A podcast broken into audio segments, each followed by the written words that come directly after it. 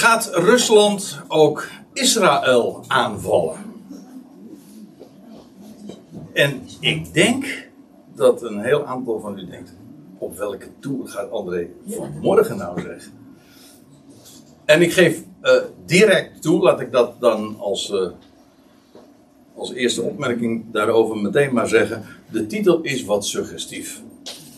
Want uh, het suggereert alsof ik nu à la GBJ Hilterman, ja, dat, zeg, dat voor degene die, voor, het jongere publiek, die zegt dat helemaal niks. Maar vroeger, Dirk, jij weet het nog wel, waar zit je? oh ja. uh, vroeger was het altijd zo. Uh, vroeger, ik bedoel, toen ik jong was. Uh, zondags gebeurde er eigenlijk heel weinig in huis. Maar en eigenlijk kon er ook niks. De tv ging niet aan. Maar intussen de middag om 1 uur of om half 2 werd de radio even aangezet. Want dan GBJ Hilterman. Dat was de voormalige hoofdredacteur van de Telegraaf die gaf, liet dan zijn licht schijnen op het actuele, uh, actuele wereldgebeuren. De toestand in de wereld. Goedemiddag, luisteraars. of zoiets zei hij dan. Dat was zo'n hele karakteristieke stem. En, uh, en dan uh, besprak hij allerlei mogelijke scenario's. Hoe de huidige actualiteit zou kunnen gaan uitpakken de komende tijd. Nou, op die toer ga ik het vandaag echt niet brengen. Nee, of op die manier ga ik het inderdaad zeker niet bespreken.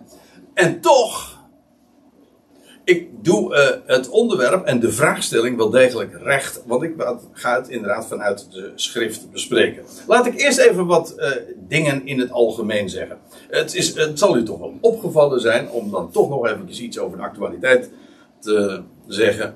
Dat we van de ene hype in de andere zijn terechtgekomen. Het was zelfs zo dat toen uh, afgelopen vrijdag was het geloof ik, dat alle maatregelen waren zo'n beetje in de ijskast gegaan. Ja, zo, of in ieder geval uh, golden niet meer, geen QR-code, helemaal niks. En het is, niemand had het erover. Want in, in, in, het nieuws ging het nu alleen nog maar over de Oekraïne. Dus ja, het is ik denk dan ook wel eens, het is ook wel een beetje de waan van de dag, laat ik het voorzichtig uitdrukken, waar we op getrakteerd worden. En ja, wat wel heel erg nu opvallend is, uh, en dit is een uitdrukking trouwens uit uh, Matthäus 24, waar je leest dat aan, bij het begin van de weeën, de heer Jezus spreekt daar over het einde van de eeuw, en het begint allemaal, zegt hij, met oorlogen en geruchten van oorlogen. En u zegt, dat zou je kunnen tegenwerpen van ja, die zijn er altijd geweest. Ja, maar uh, tegen het einde van de eeuw zou dat in hevigheid gaan toenemen en uh, opvallend gaan worden. En dan wordt er gezegd, dat is nog maar het allereerste begin. Daar blijft het dus niet bij. Maar dat is wat we momenteel dus ook inderdaad wel zien. Want ja, wat, wat gaat er. Wat, wat er nu ook uh, gaande is. er is ook heel veel oorlogsdreiging natuurlijk op dit moment. En hoe gaat dit uitpakken? Ik hoor van de week al heel veel mensen over. Naar aanleiding van die inval van Rusland in de Oekraïne. Van, gaat dit een wereldoorlog zelfs worden? Er, er, is angst. Er was al angst, maar dat was weer van een heel andere aard uh, onder, de, uh, onder de mensen. En, en nu wordt, maakt dat weer plaats voor een andere angst. Maar de mensen zijn voortdurend bang. mede natuurlijk omdat je, dat ze niet weten wat we zojuist met elkaar gezongen hebben. Namelijk, ja, als alles onder controle is, dat, dat slaapt een stuk lekkerder, weet u dat? daar hadden we het uh, voor, de, voor de, de, aanvang van deze samenkomst nog eventjes over in een persoonlijk gesprek. Maar dat is echt zo. Ik zeg niet dat de slaap garandeert, maar het maakt wel heel rustig. Te weten dat er één is die het allemaal leidt. Uh, wat je ook uh, nu ziet, is dat ja, volkeren op, op drift geraken.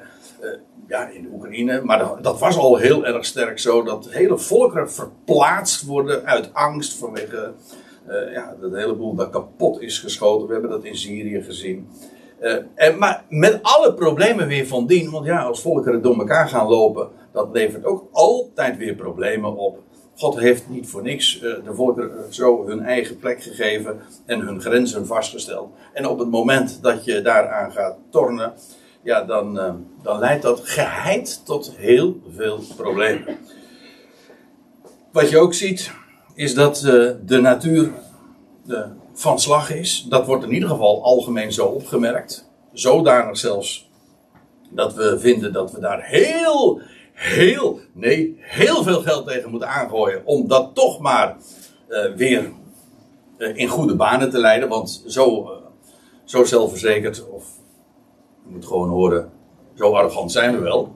Dat, dat wij denken dat we dat allemaal wel weer in goede banen kunnen gaan leiden.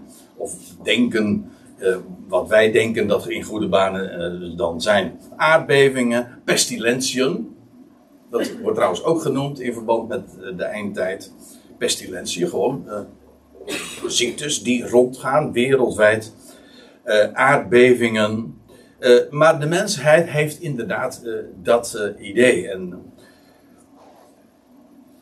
nou ja, en als we het dan toch over de actualiteit hebben, en dat wat heel erg sterk opvalt, uh, schuivende machtsverhoudingen, wat ook weer tot nieuwe vragen leidt: van ja, hoe gaat dat uh, nu aflopen? De, je ziet de, de, rol van de Verenigde Staten afnemen.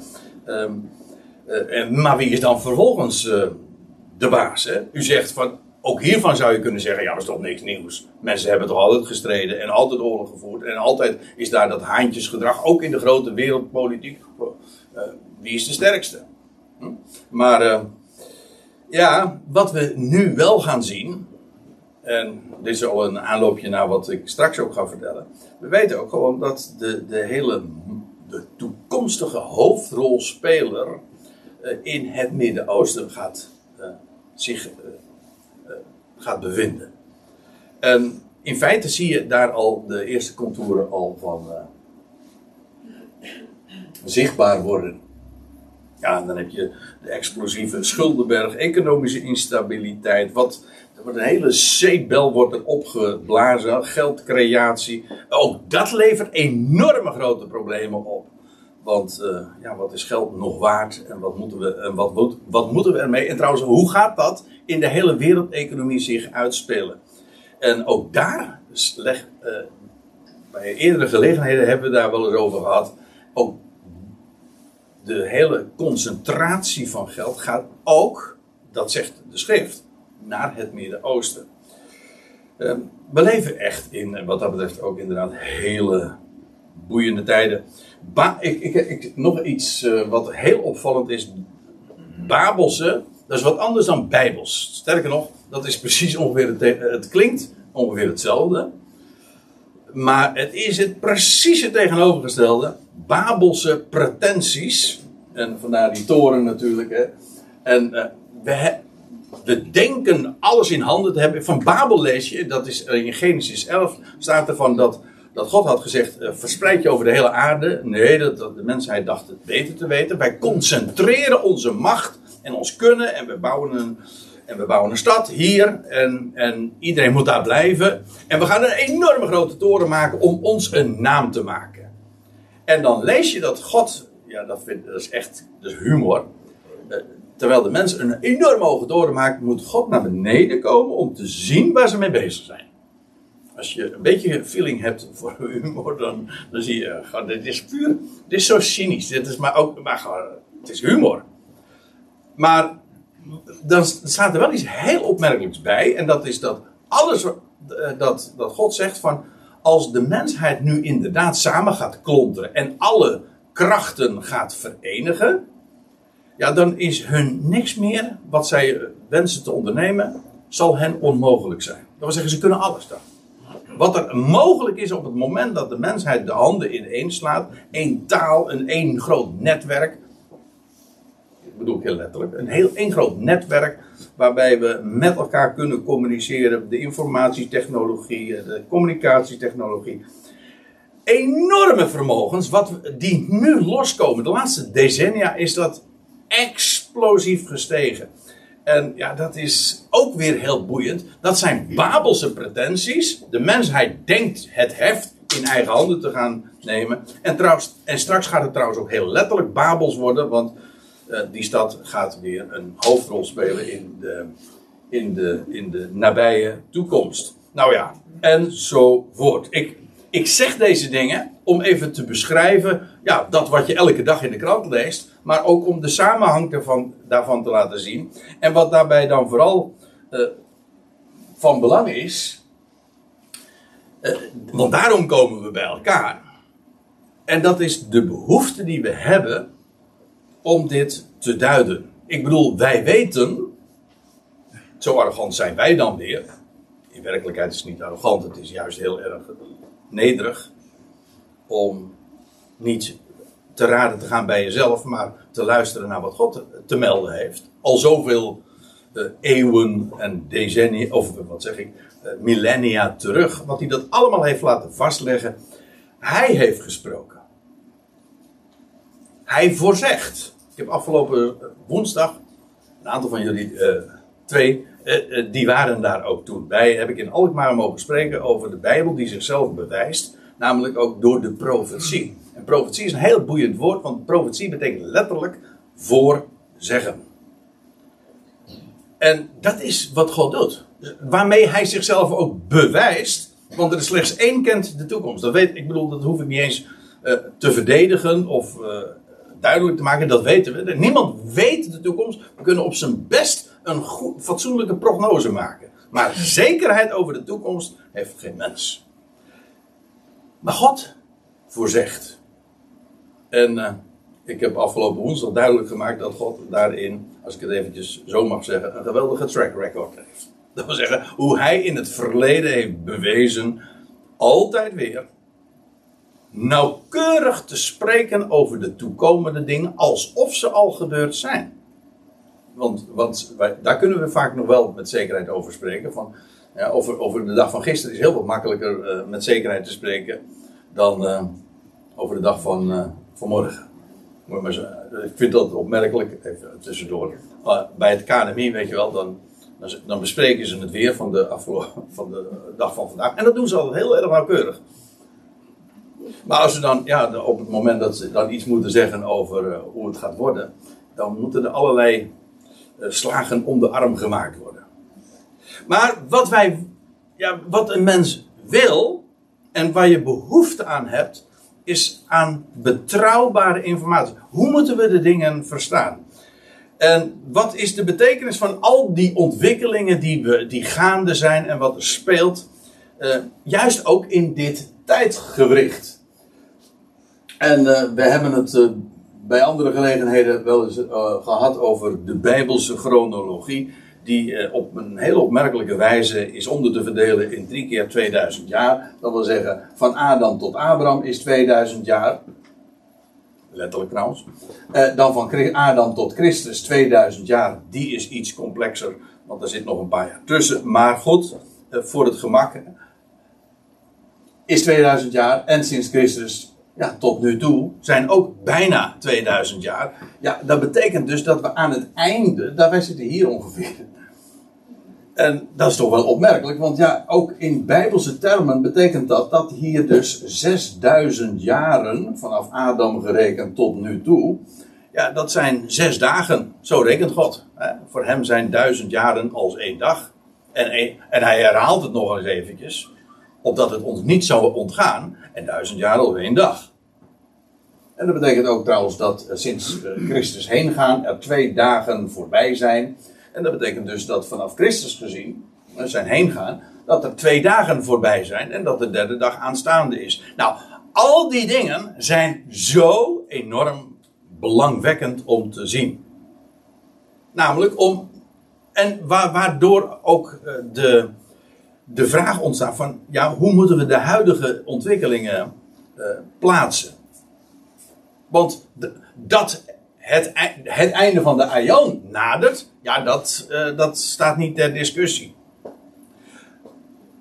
Maar de Bijbel zegt ook zoveel over wat daar uh, aan vooraf gaat. eh, rond eh, de terugkeer van Jezus Christus. En dat de duizend jaren die nog gaan volgen. Een heel millennium. De zevende dag. Of de derde dag. Hangt er vanaf van waar je rekent. Maar in ieder geval. Dat wat er speelt, is dat de aanloop naar wat eh, de profetie ook al zegt. En ja, dat zijn hele logische vragen. Als je wakker bent, je weet, we zitten tegen het einde van de aion. En dan stel je ook de vraag van, ja, maar wat de schrift daar allemaal over te melden heeft. Want het zal je gedacht zijn hoe enorm veel bijbelse profetieën juist spreken over deze tijd. Over die, die, die, die overgang, die transitie van deze aion naar de toekomende. En hoe God dat gaat doen. En wat alle gebeurtenissen die daarmee verband houden. En dus stel je die vraag. Heeft dat daar iets mee te maken? En, en, je, kijk, ja, laat ik meteen dan op ook een gevaar eh, wijzen. En dat is wat ik hier uh, zo formuleer dat je de Bijbel gaat lezen in het licht van de krant. Kijk, het is logisch en heel goed en heel wakker, om zo te zeggen, wanneer je het omgekeerde doet. Namelijk, je kent de Bijbel, je weet wat daar staat geschreven. Nou ja, wat, die, daar weten we trouwens ook nog maar weinig van hoor. Hebben we ook nog maar uh, hooguit, uh, om het eventjes zo te zeggen, als je als Bijbelkenners de oceanen is, dan zijn we ook de grootste, de grootste Bijbelkenners onder ons, die zijn nog maar net van wal gestoken. Dus uh, we hoeven ons daarin ook niet al te veel te verbeelden, bepaald. Maar goed, de, de schriften, dat is het uitgangspunt. En uh, bij dat licht lezen we de krant. Maar het gevaar is heel gemakkelijk dat we het omgekeerd gaan doen en dat we de Bijbel lezen in het licht van de krant. En wat bedoel ik daarmee? Nou, dan gaan we associëren op de klank af. Weet je, dan lees je iets over, hey, om eventjes bij de actualiteit te blijven. Rusland, hey, die valt zomaar, nou ja, zomaar, die valt de Oekraïne binnen. Daar, noorden van het Midden-Oosten. En uh, de Bijbel spreekt inderdaad over, uh, over Gog en Magog, over het land daar in het uiterste noorden. En die ook Israël gaat aan. En ik heb uh, juist de afgelopen week, dat is, ik zal u vertellen, dat is de directe aanleiding waarom, ik dit, waarom we dit onderwerp bespreken. Ik heb van de week diverse uh, mailtjes, appjes binnengekregen van, moet je dat eens lezen. En die meteen die oorlog die aangekondigd is in Ezekiel 38, 39, we komen er straks op terug. Waarin ja, allerlei uh, predikers, voorgangers, uh, die naar voren brengen van let op, dat gaat nu gebeuren. En het, niet het feit dat ze dat bespreken is een probleem, maar de, het, is het speculatieve, dat ligt er soms zo dik bovenop. Dus terwijl ik dus ja, nu ook benadrukt van hoe geweldig belangwekkend het is om de tijd te onderkennen en om inderdaad de krant te lezen in het licht van de schrift, uh, wil ik wel ook wij, uh, wijzen op het gevaar dat we uh, daarbij wel nuchter te werk zouden gaan. En, en niet zomaar gaan, gaan speculeren op, in het wilde weg. Weet je, dan, dan, lezen ze, dan, dan lees je in de krant iets, een bepaald fenomeen. hey, sta, staat daar ook niet iets van in de profetie. En dan de hele context van die, van die profetie uh, buiten beschouwing laten. En dan uh, wilde conclusies trekken. Vooral uit Amerika valt me altijd op. Ja, sorry, dat is een, een wat onaardig gesneerd. Maar nee, die Amerikanen die zijn geweldig vindingrijk. Maar soms ook heel speculatief. Predikers die van alle dingen hele uitgebreide en, en brede conclusies trekken. Iemand dat, uh, noemde dat een omgekeerde piramide. Weet je wel, die hebben een hele smalle basis, maar hele brede conclusies trekken ze. Dat is precies omgekeerd van wat je zou doen. Gewoon, je zou een hele brede basis hebben. En dan zou je op, basis, op die brede basis kun je bouwen. En zou je inderdaad gaan doordenken. Nou ja, dit, dit is een, echt een heel reëel gevaar. En het, ja, het antwoord daarop is dat we nuchter zijn. Niet bedwelmd. Niet onder invloed van. Nee, gewoon nuchter van zin. Zodat je wakker bent, zodat je werkelijk weet waar het op aankomt. Nuchterheid geboden. En wat betekent dat in dit verband ook? Dat is dat je nauwkeurig leest. Wat staat er nou eigenlijk? Ongeacht welk onderwerp. Want het is heel logisch. Ik weet niet hoe het u vergaat. Maar mij vergaat het heel vaak zo. Dat als ik. Je, je, je, wordt via de actualiteit op iets gewezen. Hè? En dan ga je de vraag stellen. Maar ja, de, Bijbel spreekt ook over deze dingen. Maar hoe zit dat dan? En om dan, voordat je al te uh, grote conclusies trekt. Eerst eens goed te lezen wat er staat. Niet alleen in de tekst maar ook in de, zoals dat heet, de context, de hele samenhang. En, en zo een schrift met schrift te vergelijken. U weet, de Bijbel is, ja, is een bibliotheek. Maar geen profetie, zegt Petrus, dit mag u niet ontgaan. Eh, geen profetie van de schrift heeft een eigen uitlegging. Dus als je een profetie in de schrift leest, dan moet je een andere profetie of andere profetieën erop naslaan om de betekenis ervan te verstaan. De ene profetie legt de andere profetie uit. Dat kan alleen maar omdat de Bijbel één groot geheel is. Het zijn wel allemaal, zijn 70 verschillende boeken, wat ook niet iedereen weet, maar goed. Ik denk 66. Ja, maar goed, eh, 70 boeken en, en die, al die boeken vormen een eenheid. En de, heel de schrift legt zichzelf uit, of zo u wilt, die schriften leggen elkaar uit. Nou, dat, kijk, dat is een, eh, een, een hele ja, belangrijke basis.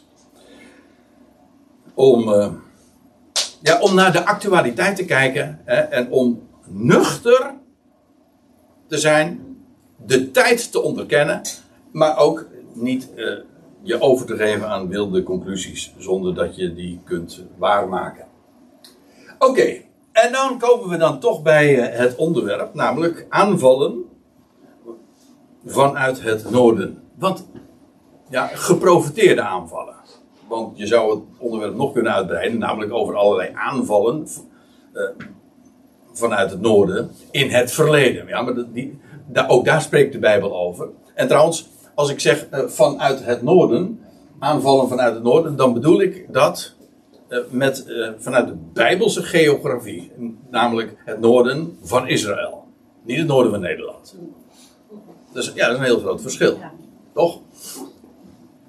Als de, dus als de Bijbel spreekt over het noorden, dan gaat het niet over het noorden van Nederland, over Noorwegen of zo. Nee, dan gaat het over het noorden van Israël. Dat lijkt mij, ook, ook dat is logisch. Ook daarin zou je zomaar uh, wilde conclusies kunnen trekken. En de Bijbel spreekt daar inderdaad over. Over geprofiteerde aanvallen, dat wil zeggen ook nog die nog steeds toekomstig zijn. Want, en dat zal ik u vertellen, het is wat, misschien wat afwijkende eh, manier zoals we vanmorgen de Bijbel openen, omdat het een, wat een overzichtstudie is. Dat wil zeggen, ik refereer voortdurend aan de Bijbel, maar niet door één speciaal tekstgedeelte te bespreken vers voor vers daar doorheen te gaan. Dat is, geeft mijn voorkeur, maar goed, het onder, we hebben nu een onderwerpstudie. En dan moeten we vaststellen dat er de Bijbel op, van drie gebeurtenissen spreekt, van drie tijdstippen, dat het land van Israël zal worden aangevallen vanuit Israël, vanuit het noorden. Dat is trouwens nog niet per definitie hetzelfde als vanuit Rusland. Want ja, kijk, neem het landje Israël en ga naar het noorden toe, dan kom je in ja, Syrië, Libanon, Turkije. Als je nog wat noordelijker gaat, dan kom je, dan kom je inderdaad trouwens bij uh, in de Oekraïne en uh, wat is het. En, en als je nog noordelijker gaat, ja, dan kom je in Moskou. Dat is trouwens een uh, rechte lijn. Als je kijkt maar op een wereldkaart vanuit Israël, een rechte lijn naar boven, dan kom je in Moskou uit. maar eh, de Bijbel spreekt inderdaad van uh, verschillende aanvallen die nog steeds tot op de dag van vandaag moeten gaan zullen plaatsvinden. Vanuit het noorden en Israël, uh, en Israël is daarbij het doelwit. En ja, kijk, ja, voor sommige mensen, voor een heleboel kerkmensen, is dit, zeggen, god, dit, dit, zo lees ik de Bijbel helemaal niet. Al die profetieën, die worden vergeestelijkt. Dat, weet je wel, die lezen de Bijbel alleen maar alsof het een, een, een boek is van pep talk, weet je wel wat heb ik er ze aan uh, voor vandaag? Uh, hoe, hoe, voel ik me vandaag beter door, die, door bepaalde teksten te lezen? Nou, dan moet je een heleboel uit de Bijbel schrappen hoor. Of uh, wat kan ik er vandaag of deze week mee doen? Kijk, deze, zo'n Bijbelstudie van we vandaag doen. We, we, bladeren door de Bijbel, we wijzen zo naar de Bijbel. Ja, dat geeft geen antwoord op de vraag wat u morgen moet doen op uw werk of zo. En als u zegt van ja, daar, heb ik er niks aan. Doei. Nou ja, oké, doei. maar zo, de vraag is niet van uh, wat word ik er wijzer van? De vraag is, wat zegt de schrift? Wat heeft God te melden? En als we nou deze vraag stellen, wat zegt de schrift daarover? En dan moet je eventjes buiten je, je, je eigen belangetjes gaan denken. Niet alsof het allemaal om. Een heleboel mensen lezen de Bijbel feitelijk egocentrisch. Alsof het allemaal om jou gaat. Nou, zo belangrijk ben je niet hoor. En de Bijbel spreekt niet alleen maar over persoonlijke dingen, maar ook over, in dit geval, gewoon over nationale dingen, over, over, de, over de wereldpolitiek, over geopolitieke uh, fenomenen, over oorlogen. Ja, daar spreekt de Bijbel over. En voorzegt ook die dingen. Maar ik zei, uh, op minstens drie, nee, ja, op drie tijdstippen zal het land Israël worden aangevallen vanuit het noorden. Nou, de eerste is deze. En ik, uh, ik hoop bij gelegenheid nog eens een keertje daar uitgebreider op uh, bij stil te staan. Bij specifiek dit Bijbelgedeelte. En dan gaan we inderdaad vers voor vers er doorheen. Dat doe ik nu dus niet. Maar in Daniel 11, vanaf vers 40 tot 45, daar lees je over de koning van het noorden. En dat staat tegenover de koning van het zuiden. Die had u zelf ook kunnen bedenken. Maar de koning van het zuiden is de, de koning van Egypte. Ja. En de koning van het noorden is trouwens Syrië. Daar. Eventueel uh, ook wat daar nog boven is. Maar in ieder geval dat. En, die, en van die koning van het noorden lees je dat hij optrekt tegen het, zoals dat daar genoemd wordt, het sieraadland. En dat is gewoon Israël. Dat is het sieraad. Dat heeft uh, te maken met een heleboel dingen. Namelijk zoals God tegen dat land aankijkt. Maar ook vanwege uh, de geweldige waarde die dat land en wat eronder ligt uh, heeft. Maar goed. tegen het sieraadland zal hij optreden. In de, en er wordt ook gezegd wanneer dat zal zijn. Namelijk in de, in de eindtijd. Die term de eindtijd, de tijd van het einde, die vind je drie, vier keer in het boek Daniel. En dat is juist in dit verband. En dan gaat het ook inderdaad over de tijd van Jacobs benauwdheid. Er komt een grote verdrukking over Israël. En aan het einde daarvan zal er een strijd plaatsvinden. Zal de koning van het noorden zich gaan, gaan strijden tegen uh, Israël. Dus eh, ik heb het hier trouwens niet over Rusland. Ik heb het hier over Syrië. Eventueel wat daarboven, uh, of in, in, in, de ruime zin, dat weet ik niet. Maar in ieder geval Syrië ook. Het hele voorgaande van. Kijk, dat bedoel ik nou ook met de Bijbel lezen in de context. Hele voorgaande van Daniel 11. Al die 40 of 39 versen die daaraan vooraf gaan. Die gaan allemaal over de koning van het noorden en de koning van het zuiden. En dat is volstrekt helder waar het dan over gaat. Namelijk over Egypte versus Syrië. Of vice versa. En trouwens, je, je kan die strijd ook gewoon beschrijven. En dat doe ik nu eventjes kort weg. Ik zei al, ik, ik wil daar graag nog eens een keertje op terugkomen. Want het is heel boeiend. Uh, je leest dus over de koning van het noorden. En die, die trekt dan op. Uh, ja, die gaat. Die, hij, uh, hij krijgt oppositie vanuit het zuiden, vanuit Egypte. En dan, dan, en dan gaat hij naar het vanuit het noorden gaat hij dus naar het Sieraadland toe. En dan neemt hij een heleboel landen, gaat hij bezetten. En ook eh, onder andere Egypte en Libië wordt ook genoemd. Dat eh, komt allemaal onder zijn macht. En waar staat er dan bij? Alleen eh, Ammon, Edom en Moab ontkomen aan zijn macht. Dat, zijn, dat is deze streek. Ja.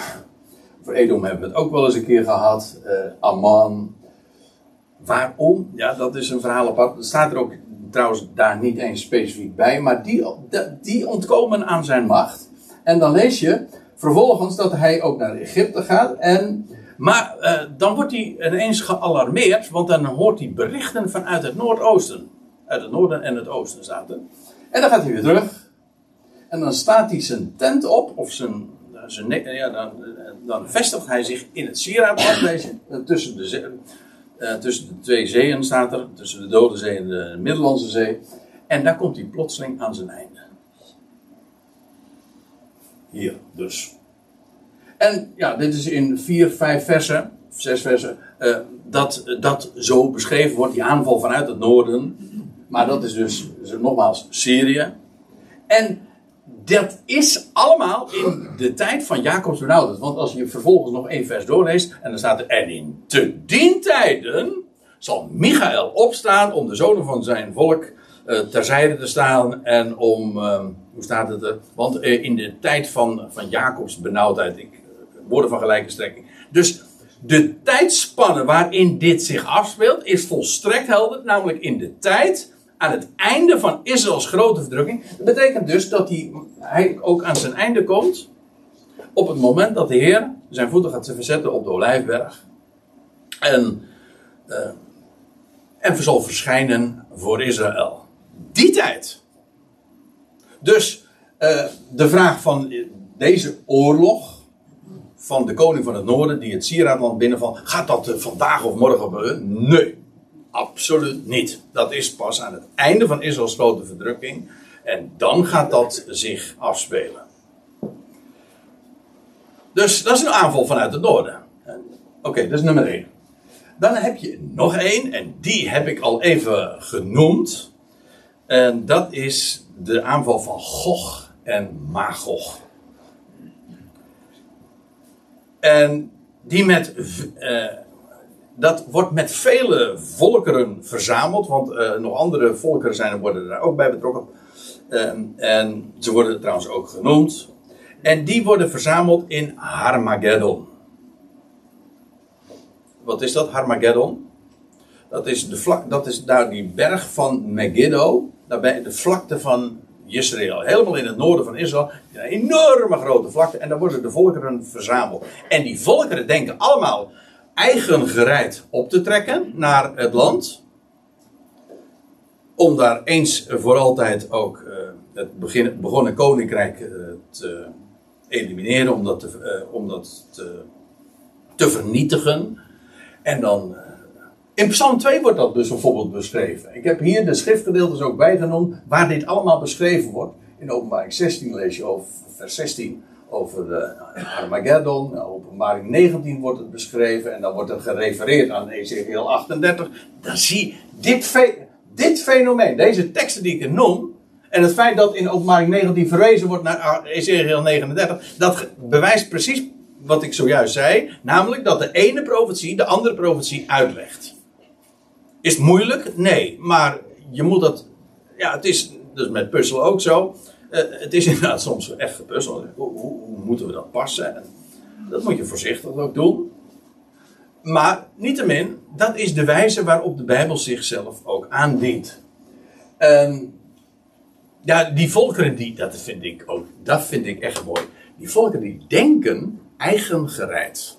Uh, of op eigen initiatief dan naar Israël te gaan om dat koninkrijk dat, waar de, dat de Messias zojuist heeft gevestigd, om dat te, niet te doen. Uh, Psalm 2 spreekt er ook over. Heb ik hem hier uh, genoemd? Nee. Oh, die had er even nog bij gemoeten. maar dat de volkeren spannen tezamen. De Verenigde Naties. Ja, ja. Worden de Verenigde Naties genoemd? Ja, Psalm 2 bijvoorbeeld. En dan spannen ze samen tegen Yahweh en zijn gezalfde, zijn Mashiach. En laat ons hun banden van ons uh, schudden. En en dan, richt, dan gaan ze op weg naar Jeruzalem. Omdat dat begonnen koninkrijk moet vernietigd worden. Zij denken, en dat vind ik het mooie. Zij denken op eigen initiatief dat dat, dat net gevestigde koninkrijk te vernietigen. In werkelijkheid lees je dat de Heer hen trekt. Met haken staat er. En uh, al met vishaken. Weet je, kom maar, kom maar hierheen. Zij denken, weten zij veel. Zij denken dat ze hun eigen een vrije wil hebben. Dat denken een heleboel mensen trouwens. Ja. Nee, de Heer die trekt zich. Waarom? Omdat hij wil met ze afrekenen. En hij, wil, hij, gaat, zich, hij gaat zich bewijzen. ik vind dat, dat vind ik geweldig. De mens in al zijn opperste macht, want we hebben het hier over de Verenigde Naties, een, een, een machtiger instantie bestaat er toch niet, zou je zeggen. Al, alle volkeren, al die miljarden mensen en de leidende instanties en, uh, en, en, de WEF, nee, die wordt niet genoemd, geloof ik. nou ja. En Schwab, nee, heb ik ook, zijn naam heb ik ook niet gelezen. Maar alle houten, weet je, die, hebben, die spannen dan samen en nou, zij zouden het wel eens even doen. Nou, en de heer zegt van. En daar staat, die in de, dat staat er in Psalm 2. Die, in de, die moet u echt onthouden. Vergeet alles wat ik vanmorgen heb gezegd, maar deze, deze moet u onthouden. Die in de hemel zetelt, die spot. Of nee, de heer, uh, lacht. En de Heer en Yahweh spot met hem. Mag je spotten? Ja hoor. En mag je uit de hoogte doen? Ja, dat doet de Heer ook. Want hij in die hemel zetelt, die lacht. Dat is humor, dat is humor op niveau. Ja. Eh, op het hoogste niveau. De Heer lacht erop. Al die, al die arrogantie van de mensheid die denkt het allemaal het heft in eigen handen te nemen en zijn eigen plannen te trekken. Het is gewoon, sorry dat ik het zeg, bullshit. En anders niet. Het gaat nergens over. En mag je daar bespottelijke termen voor gebruiken? Ja, juist. Die zijn namelijk daar heel gepast voor. Dus. Maar dat is die oorlog. En trouwens, dat Gog en Magog, ja, dat, dat, je, het wordt gelokaliseerd namelijk in het uiterste noorden, aan de zijden van het noorden. Dat wil zeggen, dan praat je dus, het is maar niet zomaar het noorden, nee, het is helemaal, helemaal aan de zijden van het noorden, dus het uiterste noorden. Ja, dan kom je toch maar op één plek uit hoor. Ga, pak een kaart, en ik verwees er zojuist al aan, en neem het land dat aan het uiterste noorden ten opzichte van Israël zich bevindt. Nou, dat is inderdaad Gog. Dat is, dat is Rusland. En ik denk inderdaad dat het land van Gog is. Ik denk dat Gog, maar die geef ik even ter overweging, een, eh, een, eh, een naam is van de leiding. Bijvoorbeeld, eh, Egypte heeft farao's. En Rusland heeft tsaren. En, de Bijbel noemt dat Gog. En het land van Mag Magog betekent gewoon van Gog. Nee, niet Theo, maar dat is weer een ander.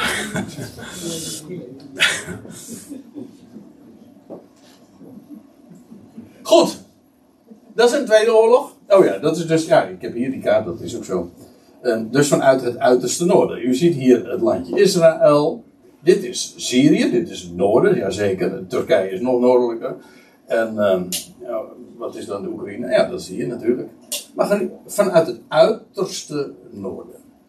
Die strijd. Het wordt trouwens geïnitieerd door Gog en Magog. Want in werkelijkheid zijn er vele andere volkeren bij betrokken. En dan heb ik er nog één.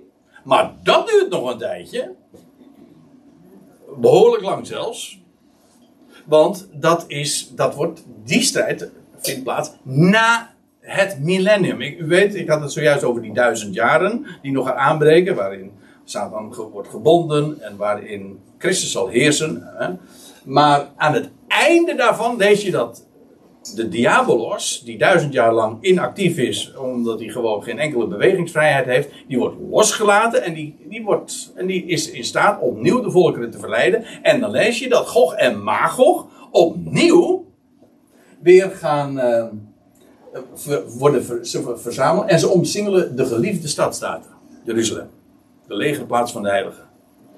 En dat, uh, ja, ik geloof ook trouwens dat in de eerste 18 versen van Ezekiel 38, maar dat is een specialistisch ding wat ik nu zeg, uh, dat die deze uh, postmillennium strijd van Gog en Magog beschrijft. Als u daar meer over wil weten, ik, ik wil daar graag nog eens een keertje wat dieper op ingaan. En ik geef toe, het is misschien wat veel, maar het, het punt is, de Bijbel spreekt namelijk over twee keer een oorlog van Gog en Magog. Eentje voor de duizend jaren en eentje na de duizend jaren. Dus, uh, ook dat is dan weer Gog en Magog vanuit Rusland. Dus, uh, antwoord op de vraag, valt, uh, gaat Rusland ook Israël aanvallen? Dan is het jazeker. In ieder geval twee keer. En ik, je zegt van, uh, ik, uh, ik, wil, ik, wil, ik, wil graag even een schemaatje hebben in tijdblad. En dat begrijp ik. Maar die zal ik dan bij deze even geven. Dat is misschien wel zo handig. we hadden het dus over de koning van het noorden, Daniel 11. dat is aan het einde van de grote, van Israëls grote verdrukking, die 42 maanden. Oké, okay. dan krijg je aan het, in deze tijd, ik, ik had het zojuist al even aangegeven, dat is ook het moment dat de Heer zal verschijnen op de Olijfberg, aan het einde van de grote verdrukking. En dan gaat hij zijn volk verzamelen, van alle windhoeken, en dan gaat hij zijn koninkrijk vestigen in de wereld. Heel veel mensen die denken, oh hier, hier, hier zijn alle volkeren meteen al uh, onderworpen. No, dat is, dat is echt niet waar.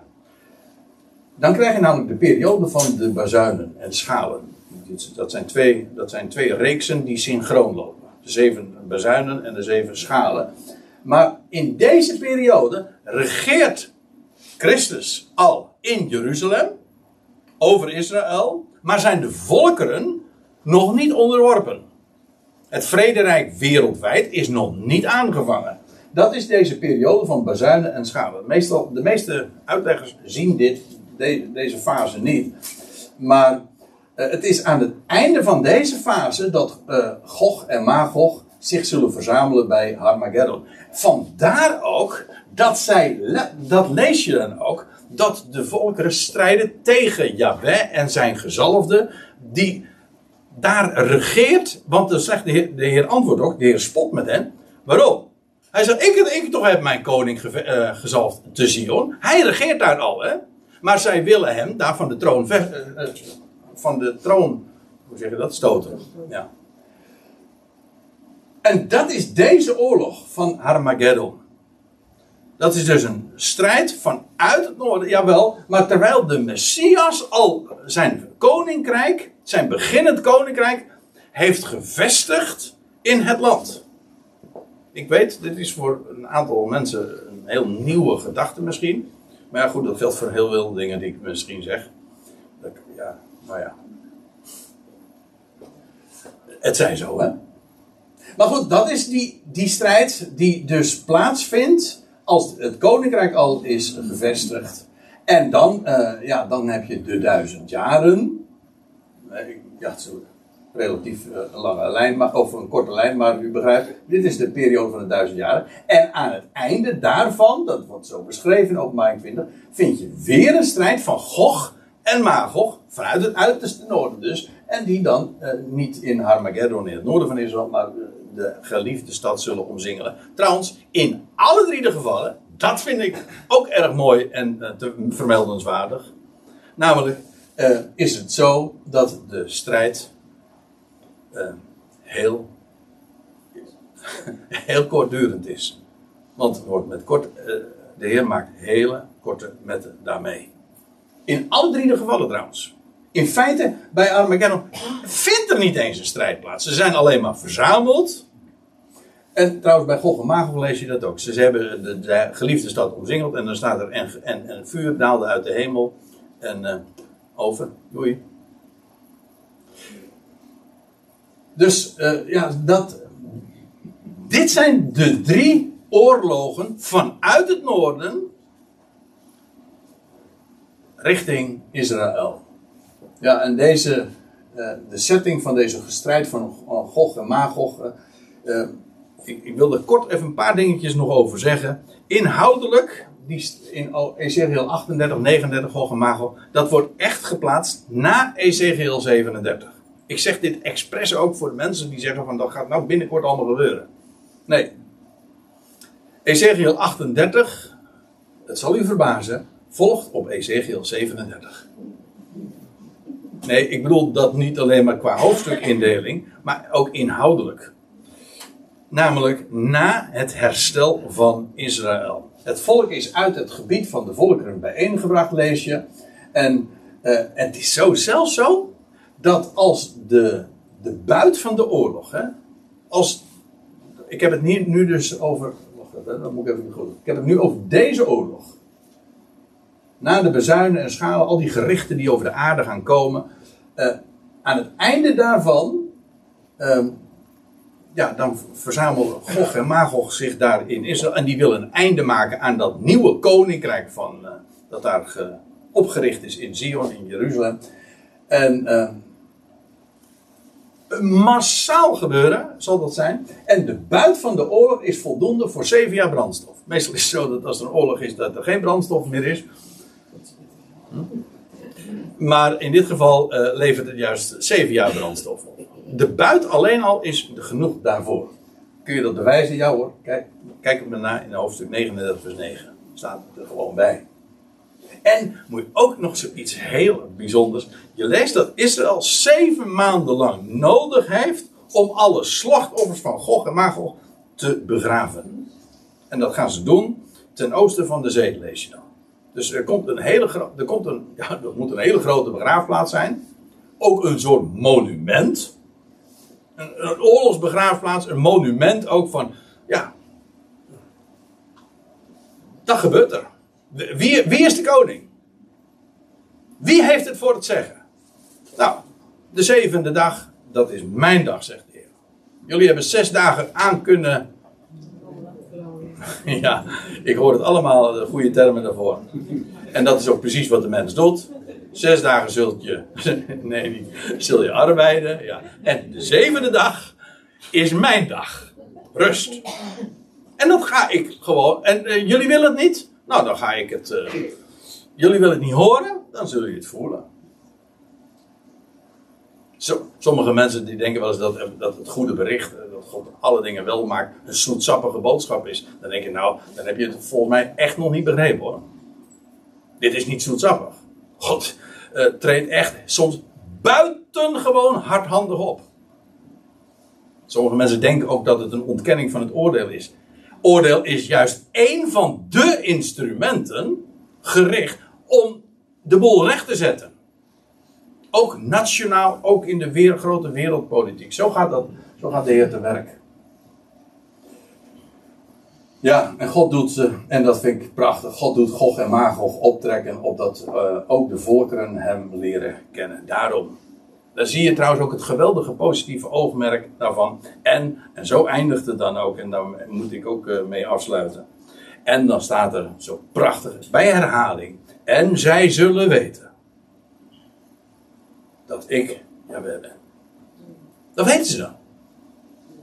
Ik bedoel, het zijn nu de volkeren, of die van ouds decennia lang atheïstisch waren. Ze, men, men heeft God weggeredeneerd. En dan zal men weten, alle volkeren, geen twijfel over mogelijk meer. Er dan geen vraag meer, er bestaat geen atheïsme meer. Ze weten niet alleen maar dat er een God is, dat weet eigenlijk iedere mens al hoor.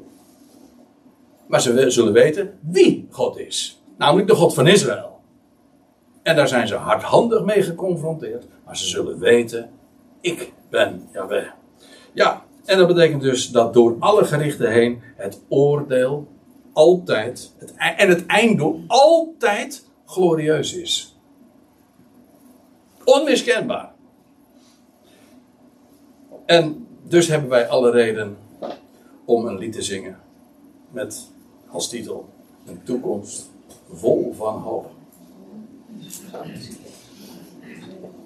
Dat is deze. Sela. Dat is trouwens ook uh, wel een mooie. En toen bevroren van hoop.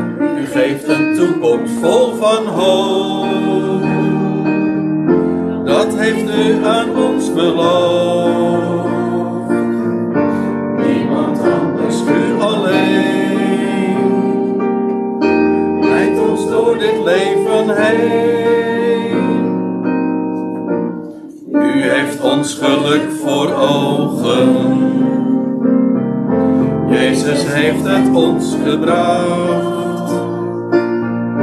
Mens als wij voor ons gebroken. In de allerzwartste nacht. U geeft een toekomst vol van hoop. Dat heeft u aan ons beloofd. Niemand anders, u alleen. Leidt ons door dit leven heen. U bent God de Allerhoogste. God van onbegrensde macht. Wij geloven en wij hopen op het einde van de nacht. U geeft een toekomst vol van hoop. Dat heeft u aan ons beloofd. Niemand anders, u alleen. Leidt ons door dit leven heen. U geeft een toekomst vol van hoop. Dat heeft u aan ons beloofd. Niemand anders, u alleen. Ons door dit leven heen.